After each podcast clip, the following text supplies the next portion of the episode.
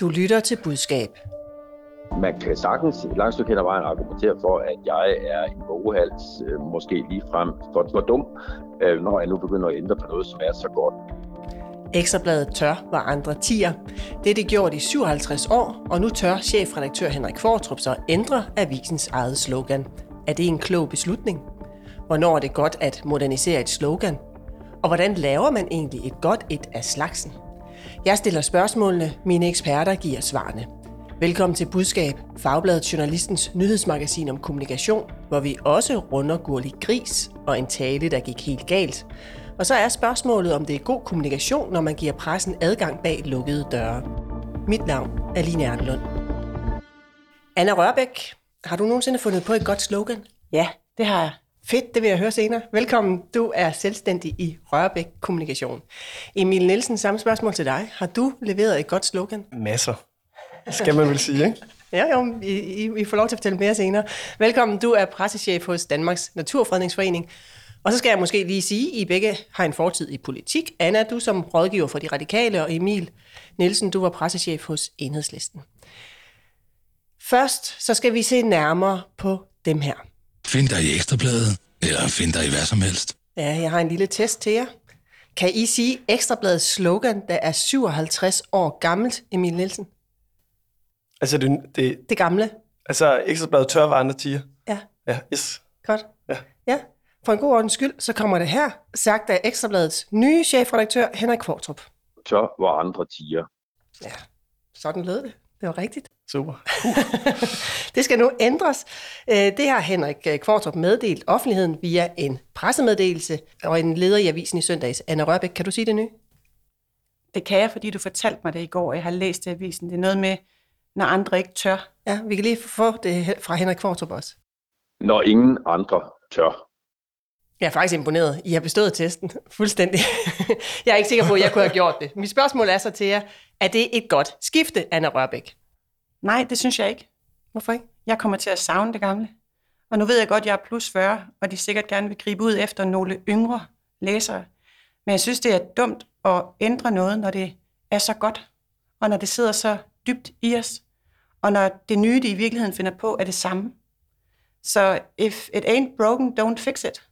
Ja, du skal lige prøve at høre, fordi Henrik Kvartrup synes, det er vigtigt at modernisere sloganet for at være synk i læserne. Det er jo så dem, der er under 40.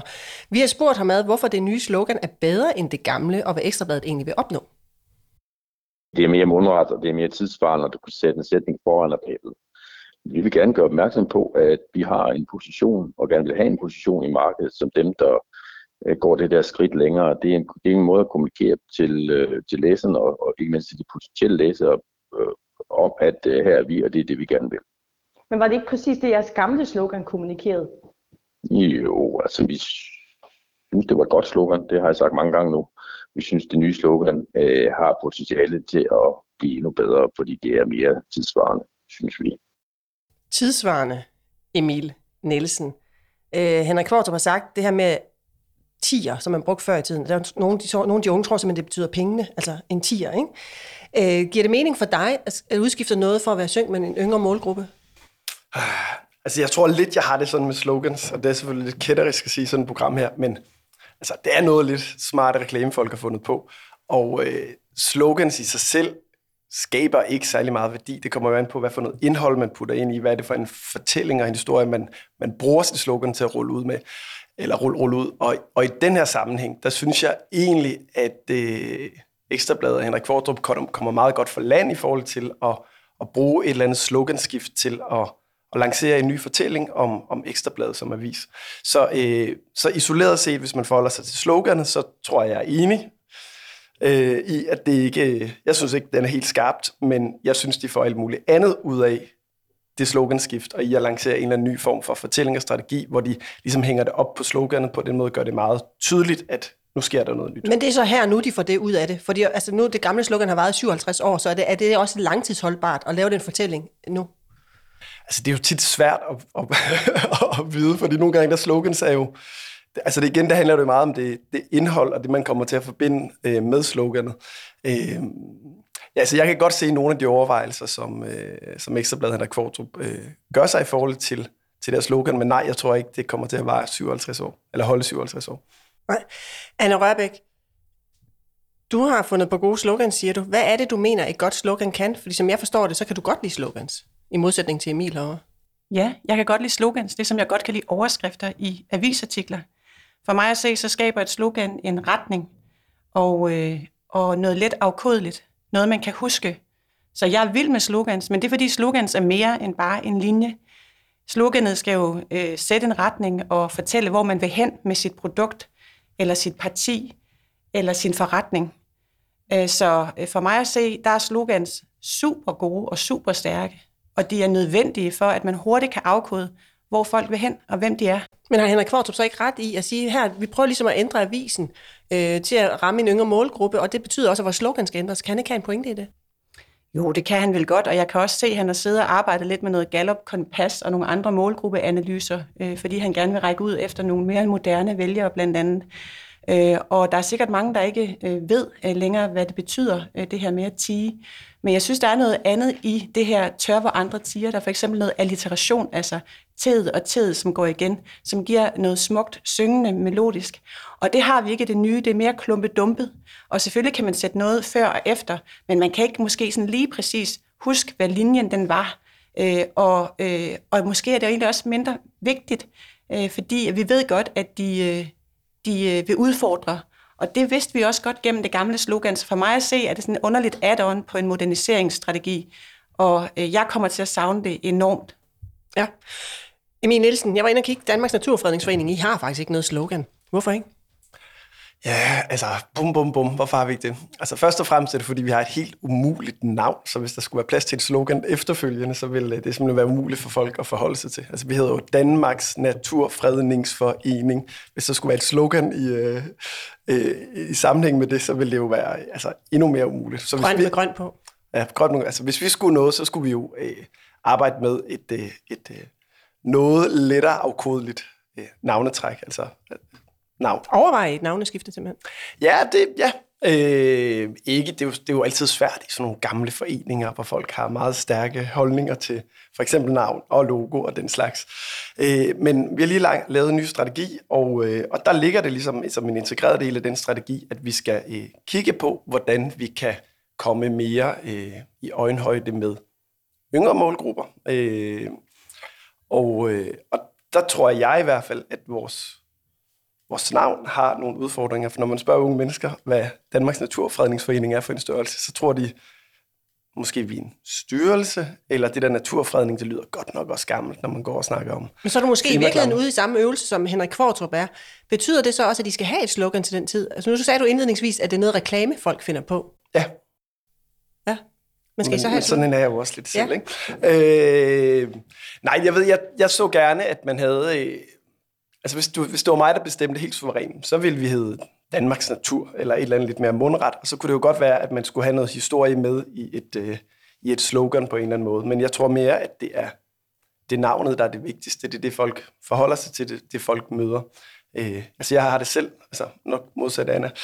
Øh, jeg kan simpelthen ikke huske altså, partier eller virksomheders slogans. Altså, det, det betyder ikke så meget for mig. Jeg, jeg er meget mere optaget af, hvad, kan man sige, hvad er det for noget indhold, og hvordan kan man så bruge det der med at have et slogan til at lave en ny retning. Øh, men det er jo ligesom, det er jo det, der skal være fundamentet som et slogan skal stå på. Øh, man skal bruge det aktivt, og så kan man sige, så kan det jo godt være sådan en suppeterning, som man koger øh, en, en ny retning eller en ny strategi, en ny fortælling ned til. Men, men slogan i sig selv er, er ikke interessant. Det er ligesom, hvad er det, man vil opnå. Og det tænker jeg, det er du nok ikke uenig i. Ja. Anna Rørbæk? Nu har vi jo begge to været med i øh, valgkampe på Christiansborg, øh, og øh, Radikale Venstre havde et kampagneslogan, fordi der findes jo også undersloganer, som kan være med til at skabe også en, en medarbejderinvolvering eller en medlemsinvolvering. Og vi havde et slogan, som jeg ikke fandt på, men som jeg var en del af at finde på, som hed Tag ansvar i en periode fra, da vi skulle vinde valget, så at sige, i 2011. Øh, Og hele den kampagne, den øh, gav mening blandt medlemmerne, og den skabte en retning, når man var ude og holde en tale, når man skulle lave en valgplakat osv. Altså den skabte simpelthen en retning for, hvad er det, vi vil den her gang i forhold til den radikale politik. Så det her med at have noget retningsanvisning, også sprogligt, det er det, det øh, øh, går ud på for mig med slogans. Og så synes jeg egentlig ikke, man helt kan sige, at det er sådan noget reklamefolk finder på, fordi nu kommer jeg ud fra Amager, eller oprindeligt er jeg Fynbo, men jeg bor på Amager i dag, og der kører den ene VVS'er rundt med den anden, øh, efter den anden med en, med en bil, hvor der står, øh, øh, når lortet driller, ikke? eller øh, renseriet, som har et slogan, der hedder altid på pletten, eller øh, blomsterbinderen, der hedder Vi binde gale. Så jeg synes, det der med, at det er noget, som øh, reklamefolk har fundet på, det er ikke helt rigtigt. Det er også noget, som ligesom på en eller anden måde skaber en eller anden form for øh, øh, følelse hos modtageren, eller en eller anden form for øh, mm, refleksion, som gør, at man måske bedre kan huske øh, det, den, den, den, den organisation eller virksomhed, der har det slogan. Men, men betyder det sådan noget, hvis man vælger ikke at have det, synes du? Fordi Emil siger jo, det er ikke det, der er det vigtige for ham. Det er altså ikke slogan. Det kan godt være, det er der, men det er jo ikke det, der betyder noget. Altså, jeg vil klart anbefale, jeg tror ikke, jeg vil kalde det slogan, men jeg tror, jeg vil sige, skal vi ikke få skabt en eller anden sproglig retning? Øh, og jeg bruger faktisk ikke ordet slogan. Altså, jeg sælger for eksempel ikke slogan i min forretning. Jeg har også selv et slogan, øh, som jeg har 20 stjålet fra Anders Fogh, øh, altså i min forretning, som hedder, kan det ikke forklares, kan det ikke forsvares? Så for mig at se, er det ikke nødvendigvis en ordet slogan, jeg bruger aktivt, men det er det her med sprogligt at sætte en overskrift på, hvor man vil hen, men det, man har gang i. Ja. Jeg vil gerne høre, hvad det er for nogle slogans, I selv har fundet på, Emil. Du sagde indledningsvis, du selv har fundet på masser, tror jeg. Og ja, øh, jamen jeg ved ikke, om det har været genialt. Altså, for eksempel lavede vi øh, i, altså, i, i, mit, i mit nuværende job et, øh, et forholdsvis stort udspil med Landbrug Fødevare om øh, udtagning af lavbundsjord, ammoniak og eller alt muligt. Ikke? Øh, og, og der fandt jeg på et slogan, som hed øh, øh, fælles løsninger, som jo ligesom var et forsøg på at indramme det her med du ved, to organisationer, der repræsenterede hver to forskellige holdninger, der var gået sammen og kommet med fælles løsninger. Øh, men jeg tror bare igen, selvom jeg synes, det var et skide godt slogan, der indrammede det. Altså, når man spørger folk, så er der jo ikke nogen, der husker sloganet, de husker samarbejdet og udspillet. Øh, men sloganet kunne jo det, at når man ligesom fik det formet ned i med glitteret papir, og fik lavet et flot udspil og fælles løsninger, et billede af landbrugets første mand og naturens første kvinde øh, på forsiden, jamen så var det der med til at give det noget seriøsitet, øh, der, der, der var med til at vække en, en, en mediemæssig og politisk interesse for det, på samme måde, når partier laver valgkampsslogans, at der er ligesom, altså at man viser, at man har man har et samlet koncept, der giver mening. Selvfølgelig er det med til at give noget troværdighed i forhold til det, og jeg, jeg er jo helt enig i alt, hvad Anna i øvrigt siger. Selvfølgelig kan slogans alt muligt andet. Jeg, jeg tror bare tit, at, at der er mange organisationer øh, og virksomheder for den sags skyld, der tænker, uha, nu skal vi, øh, vi har brug for at gøre noget nyt, nu får vi et nyt, øh, et nyt slogan, eller en ny øh, identitet, eller vi laver et nyt navnetræk. Øh, og, og hvis man ligesom tænker, at man kan løse ting alene med det, jamen så tror jeg simpelthen, at man, man, går, man går fejl. Man bliver simpelthen nødt til at tænke, hvad er det egentlig, vi vil opnå? Hvad er det for en strategi, der ligger under? Øh, altså det er nødt til det, der er ens why. Det er vel det, det... Ja, lige præcis. Og så kan man jo sagtens, altså, så kan et slogan jo have alle mulige forskellige udtryk, øh, men, men det er ikke det sådan specifikke slogan, der, der redder noget for altså, en virksomhed. Anna, vi runder af med dit bedste slogan, du har fundet på. Altså jeg vil sige, jeg har altid fundet på dem sammen med andre, så jeg vil ikke sådan tage ejerskab, men det er nok til ansvar-kampagnen hos Radikale Venstre, som ledte til en valgsejr i 2011. Vi skal videre. Og det skal vi faktisk med valgkampen, den kommunale valgkamp, som netop er overstået.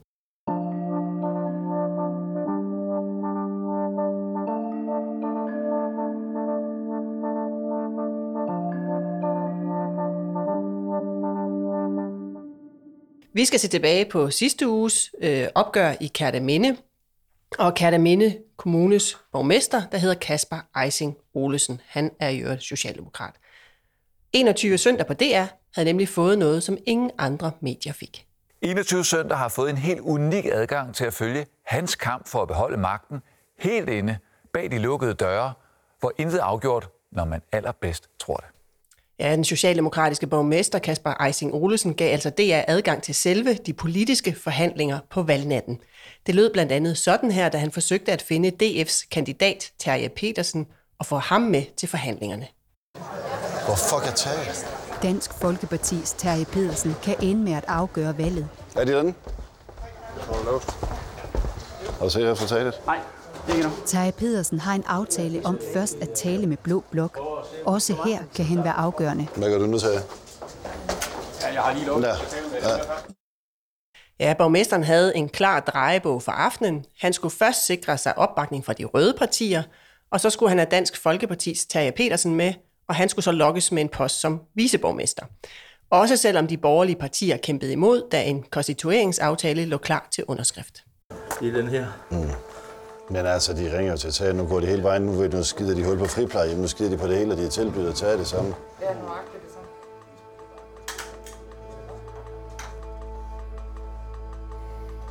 Det er fandme, nu kan det menneske vise noget ordentlighed. Altså, vi, vi bliver kendt for lorten igen, hvis det er. Ja, og jeg skal lige for en god ordens skyld sige, borgmesteren havde lavet en kontrakt med DR's journalister, der indeholdt følgende. DR skulle sikre sig, at de andre partier var med på den, altså det med kameraet. Øh, alt deres materiale var klausuleret til at blive bragt søndag, og det måtte ikke sendes live på selve aftenen. Og så var der en kattelem, at politikerne kunne sende DR ud undervejs, hvilket faktisk også skete. Det har vi jo så ikke kunne se jo, men, men det ved vi så skete. Emil Nielsen, som rådgiver, vil du så tillade et tv-kamera at følge dig og dit parti, hvis du stadigvæk var i politik, på sådan en valgaften? Puh, øh, det tror jeg ikke, der er sådan et, øh, et helt enkelt øh, svar på.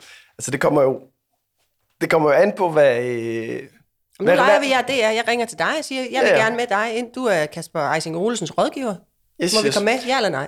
Altså, så må man jo lave en, en øh, helt øh, nøgtern risikovurdering af, hvad, øh, hvad kan der ske på den her valgaften? Har jeg selv en interesse? Kan jeg vinde noget i det? Og hvad vil jeg så i så fald tabe? Ikke? Og, så, og så er det jo sidste ende øh, altså en gamble øh, i forhold til det. Men altså lige her i, i det her eksempel, øh, altså jeg synes jo i øvrigt, at han kommer rigtig godt fra at have øh, DR med på slæb en, øh, en hel Jeg valgaften. venter stadigvæk, ja eller nej? Øh, ja, det er. Jeg sidder men altså i her. det her tilfælde, ja, helt sikkert. Men og så vil jeg bare gerne forklare, hvorfor. Fordi her der virker det jo til, at han har gjort sit forarbejde ret godt. Han har styr på sit byråd, han har opbygget tillid og loyalitet. Det virker også til, at han faktisk er ret sikker på, hvor han har den lokale DF'er, som der i, i, hvad kan man sige, i værste fald er den, der sidder med øh, de afgørende mandater for at give ham øh, borgmesterposten.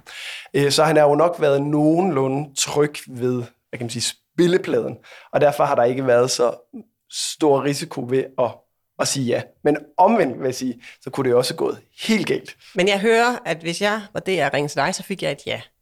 Yes, det kan vi Ja. godt sige. Den er købt. Så ringer jeg også til dig, Anna Rørbæk. Du er så lige pludselig blevet rådgiver. Ja eller nej? Vil du lade det, jeg komme med?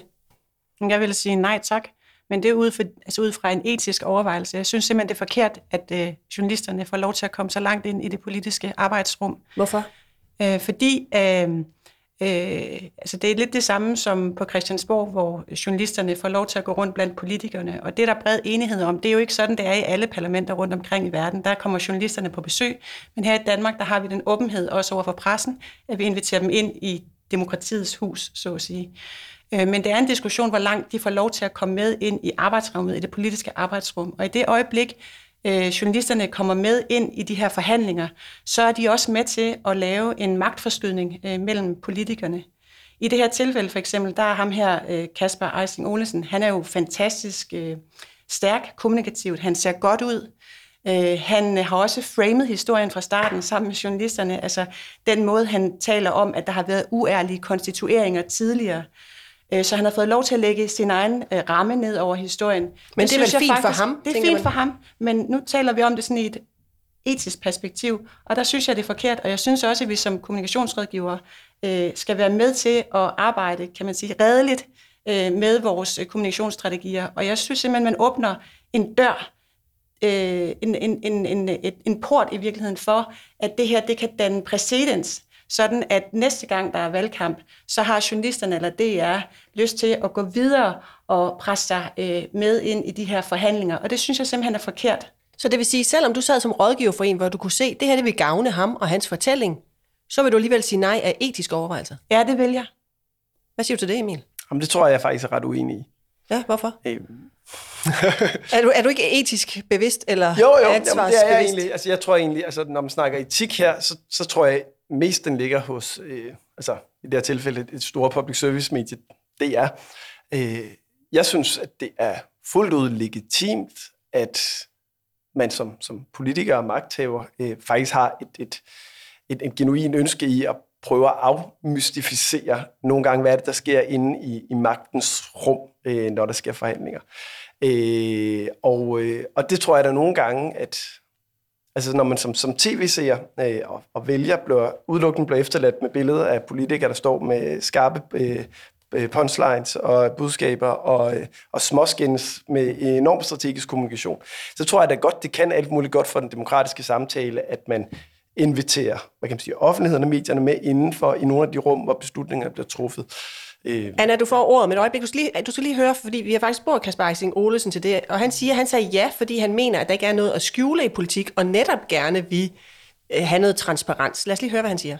Ja, altså folk, de har, jeg ved ikke, om de har krav på det, men øh, dem, der, der har lyst til det, skal også have en mulighed for at blive inviteret ind og se, hvad sker der øh, til sådan en konstitueringsaftaler og snakke og forhandlinger.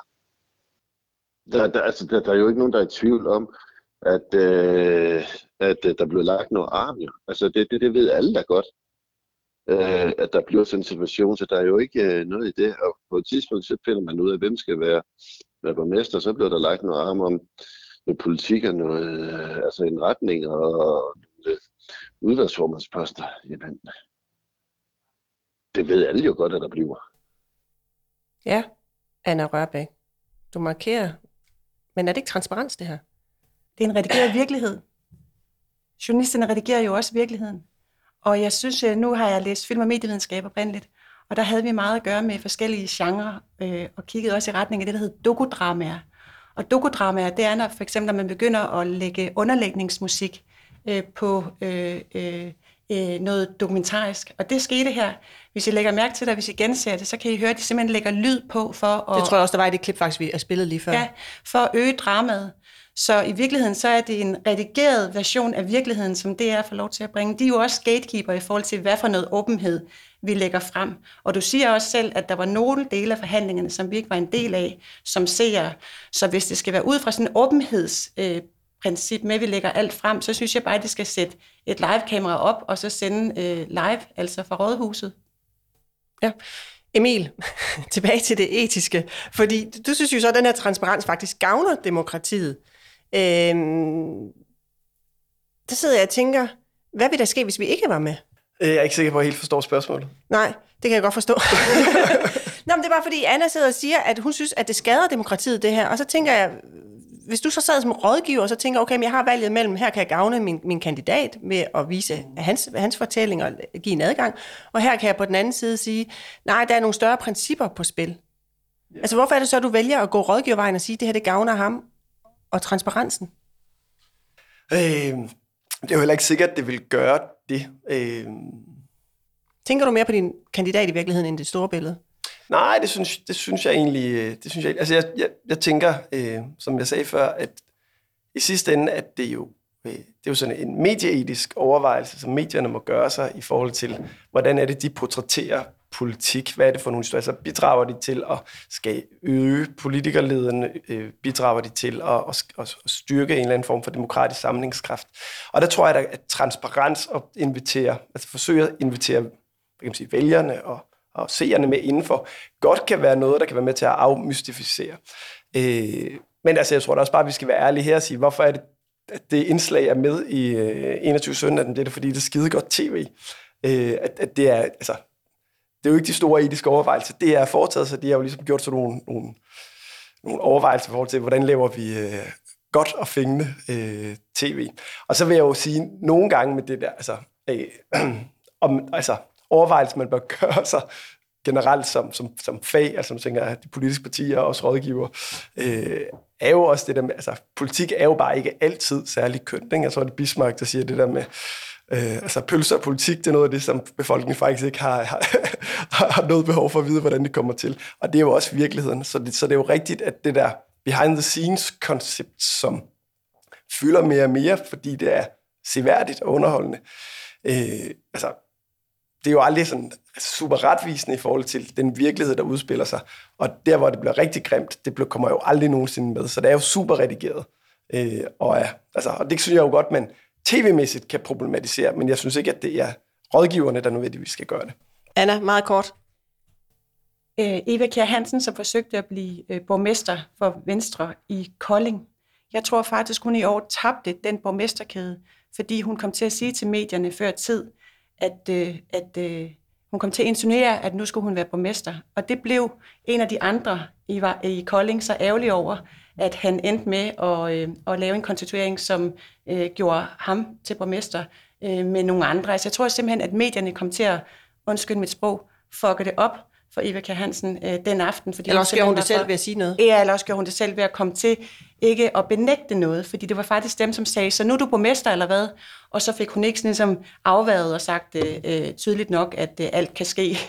Så øh, hvad hedder det? Så det, der er faren, det er, at medierne faktisk bliver dagsordensættende for, øh, for, øh, for den politik, øh, der ender med at blive ført, og for den magt, der ender med at blive fordelt. Men tilbage til rådgiverrollen. Du siger meget klart, at du vil ikke give adgang til forhandlingslokaler, fordi du synes, der er et etisk problemstilling i det. Hvor vil du så give adgang hen? Fordi det har du jo også siddet, vel formentlig at give adgang til noget, og nogen får en eksklusivitet, som andre ikke får. Hvor går din grænse så for at sige ja? Jeg kan ikke sidde og definere et sted her i den her podcast, hvor grænsen går, men øh, vi, for, vi prøvede øh, ved valget i, i øh, 2000 og det tror jeg var syv, øh, der hvad hedder det, var DR meget insisterende. Jeg sad og havde ansvaret for blandt andet den aften og fordelingen af, hvem der skulle have Margrethe Vestager først, og den første kommentar, det går de utrolig meget op i. Og der hvad hedder det, ønskede vi ikke at have dem inviteret ind i hendes privat, øh, private stue, men de fik lov til at følge hende på Christianiacyklen frem mod øh, Christiansborg, så, hun kunne, så de fik hendes øh, første øh, reaktion på valgresultatet. Så det er et eller andet med trods alt at prøve at skille både det private rum, men også det private forhandlingsrum Øh, øh, ad i forhold til øh, de der lidt mere offentlige steder, hvor det er mere normalt, at man møder andre og ikke har øh, en privat fortrolighed eller en partifortrolighed. Så det er nok en skillelinje, som går på, hvad øh, er øh, øh fortroligt og hvad er ikke fortroligt. Emil Nielsen, du har så en videre ramme for, hvor du vil give adgang henne. Så lad mig spørge i stedet for, hvor er det så, du siger nej? Altså, det, altså, fra sådan et rådgivningsperspektiv, så er det jo øh, sådan helt kystkoldt, øh, øh, der hvor man øh, mener, risikoen er for stor, og du kan risikere at tabe for meget. Og hvad kunne det være? Øh, hvis du ikke kender, øh, kender udfaldet af, af, hvad kan man sige, den forhandling eller den situation, øh, man står i, eller hvis man står i en prekær sag, øh, hvor at man har behov for et, et rum, hvor at øh, man skal kunne lave nogle, øh, altså, nogle strategiske øh, overvejelser, som man ikke synes egner sig til at blive transmitteret live. Har du prøvet at, at give adgang, hvor du bagefter tænkte, det skulle jeg ikke have gjort? Ja, ja masser, masser af gange, Kan du komme med et eksempel på, hvor du tænker, det skulle jeg ikke have gjort det? For, vi havde, øh, skal lige huske, gøre det helt skarpt for mig selv her, øh, som jeg husker det, så øh, under øh, altså hele Thorning, øh, Vestager-regeringen, så var der jo en masse ballade om betalingsringen. Og, øh, og, og der var enhedslisten jo den øh, mest markante kritiker af den beslutning, hvor man endte med at droppe den her betalingsring. Og der havde vi på de der afgørende dage, hvor der var stort drama, der havde vi, øh, jeg mener det var TV2 i, øh, i hælene på øh, Henning Hyllested, der var transportoverfører, der ligesom fulgte Henning øh, hele dagen, ikke? Øh, og, og gik, altså alle overvejelserne. Og det var jo vildt godt tv. Øh, og Henning er jo er jo ikke sådan, du ved, professionel skolet politiker. Henning Hyllested, han var havnearbejder for havnen i Esbjerg, og var jo ikke selv sådan super strategisk i forhold til, hvad vil det egentlig sige at have et, øh, altså, man fik ham ligesom ret uredigeret, og det er jo super fedt, og det var godt tv. Problemet var jo bare, at Henning havde nogle virkelig røde bukser på, så når man som seer sad der og kiggede på det der, så kunne man ikke se andet end de der røde bukser. Øh, og sådan det dramaturgiske højdepunkt i det der indslag var, at øh, Henning sad og spiste sin frokost, frokost og småsmasket, som man jo gør, når man taler og spiser samtidig, øh, og, og rasede over regeringsbeslutninger osv., som jeg så blev bragt redigeret. Øh, og altså, jeg tror da, at folk har sikkert synes, at han var sød og menneskelig og sådan noget, men jeg ved sgu ikke, om det var sådan det mest professionelle indtryk, man, øh, man gav sig, øh, eller man, man gav af, af politikeren Henning Hyllested og Enhedslistens position i, i den sag. Øh, og, og det er jo den risiko, der nogle gange er, når man inviterer hvad kan man sige, medierne med indenfor. Man, man, mister, altså, man mister indflydelse på, hvordan man kommer til at fremstå. Ikke? Øh, og der er masser af andre tilsvarende eksempler, som har været helt, altså, helt pinlige. Det er jo ikke nogen katastrofe, men Jamen, vi sender de overvejelser ud, også de etiske overvejelser af Anna Rørbæk, om hvor det er, man skal give adgang til pressen.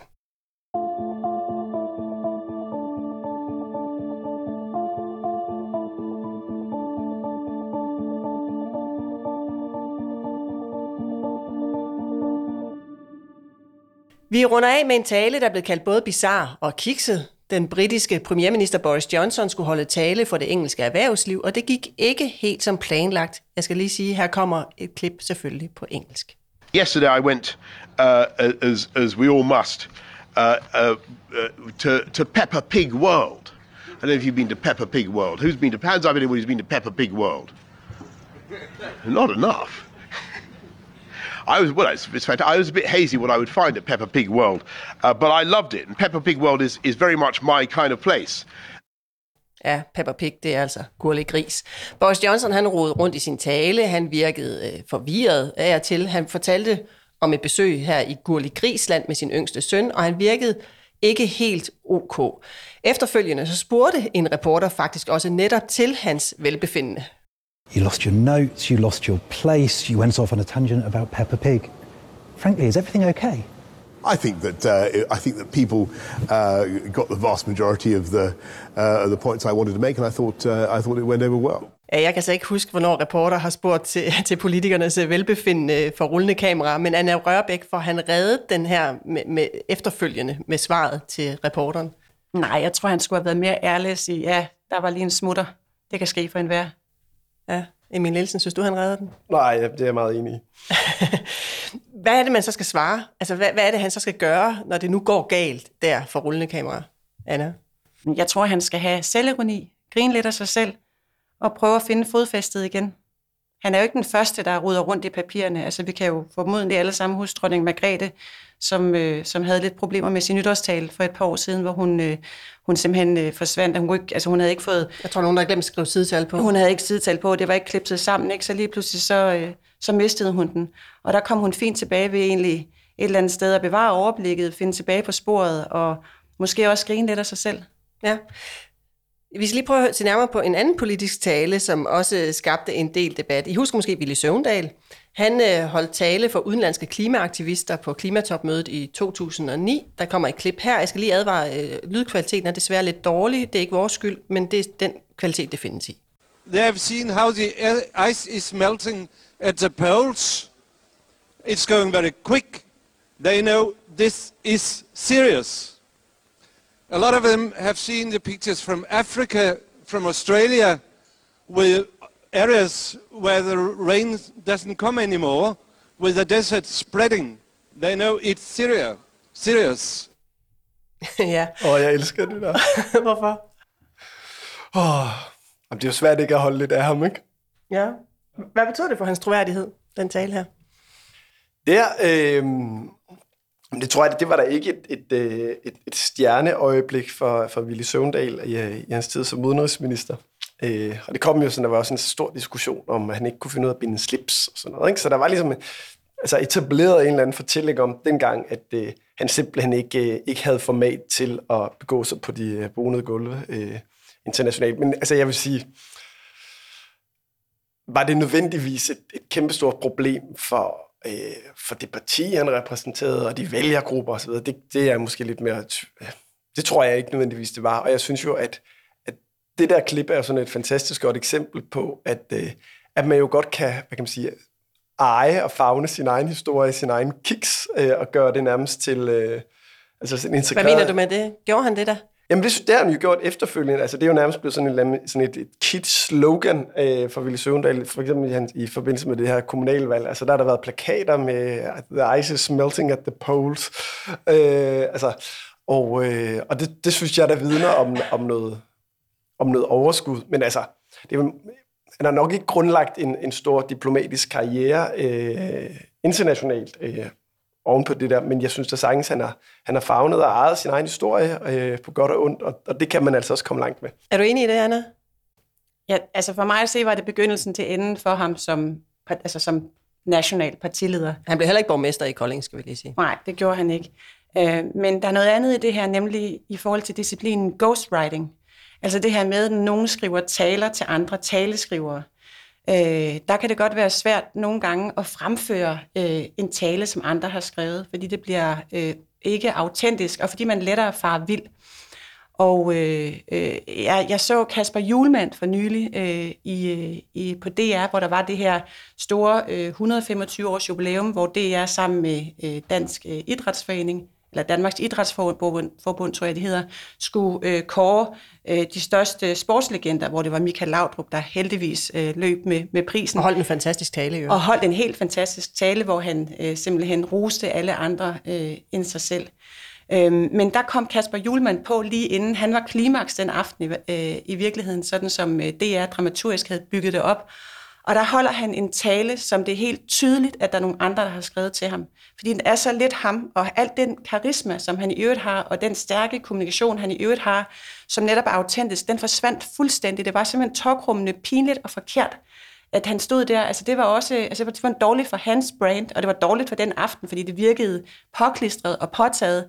Og, og der er det der, altså der, er, der handler ghostwriting, og det at tale, øh, eller skrive en tale til nogle andre, det handler rigtig meget om at finde personen. Og så handler det også om, at man husker at træne og øve, og man finder de rigtige ord, og i øvrigt også får lavet et ordentligt manuskript.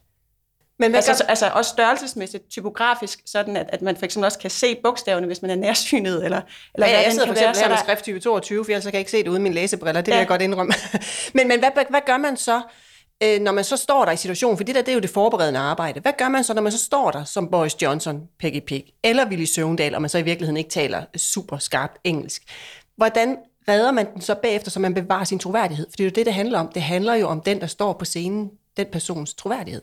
Jeg tror, det er enormt vigtigt, at man er selvironisk at man kan være humoristisk omkring sig selv, at man ikke tager sig selv for seriøst i de sammenhænge, at man ikke prøver at bortforklare, men at man står ved, at ja, det var ikke my finest moment, men øh, øh, hvad hedder det, øh, sagen er den og den. Så ligesom altså indrømme i stedet for at bortforklare, omfavne, at vi alle sammen kan begå fejl, og ja, der mistede jeg sådan set lige overblikket. Øhm, kan I huske Mette Frederiksen, i, øh, det var så ikke en tale, hun holdt, men hun havde den her lille LED-PR med i en valgdebat med Lars Løkke Rasmussen i folketingsvalgkampen i en debat på DR, mener jeg det var, uh. hvor hun undervejs i den der øh, debat øh, øh, glemte, hvorfor hun egentlig havde taget den der pære med, og det var noget rod, og det var pinligt, og det var noget, der blev lavet overskrifter om dagen efter. Og den måde, hun angreb det på, det fyldte faktisk rimelig meget valgkampen, det, ja. fordi det fremstod lidt latterligt, ikke? Altså, for det var sådan en rekvisit, hun havde med for at vinde debatten, og så endte med ligesom at spide hende i virkeligheden. Øh, men øh, øh næste dag, så tog hun også øh, brøden af det, ved ligesom at sige, ja, jeg ved godt, hvad en LED er, øh, hvad hedder det, øh, det var ikke så stærkt gået af mig, øh, og begyndte ligesom at ironisere lidt over sig selv. Øh, og det tror jeg er den eneste måde, man kan komme tilbage på, når man, når man sådan klokker i det, som vi vil sige på Fyn. Ja. Anna Rørbæk, selvstændig i Rørbæk Kommunikation. Tak for de gode råd. Også tak til dig, Emil Nielsen, pressechef i Danmarks Naturfredningsforening. Og så er jeg spændt på, om I får et nyt navn på et tidspunkt. Uh. uh ja. Du lyttede til Budskab, der er skabt af Fagbladet Journalisten. Redaktør er Marie Nyhus. Rakkerpak Productions står for lyd og teknik. I dagens afsnit har du hørt klip fra DR, The Guardian, TV2 og YouTube. Du kan abonnere på vores podcast. Giv den meget gerne en anmeldelse på din vej. Mit navn er Line Arnlund. Og husk, ord er ikke bare ord. Tilsammen udgør de dit budskab.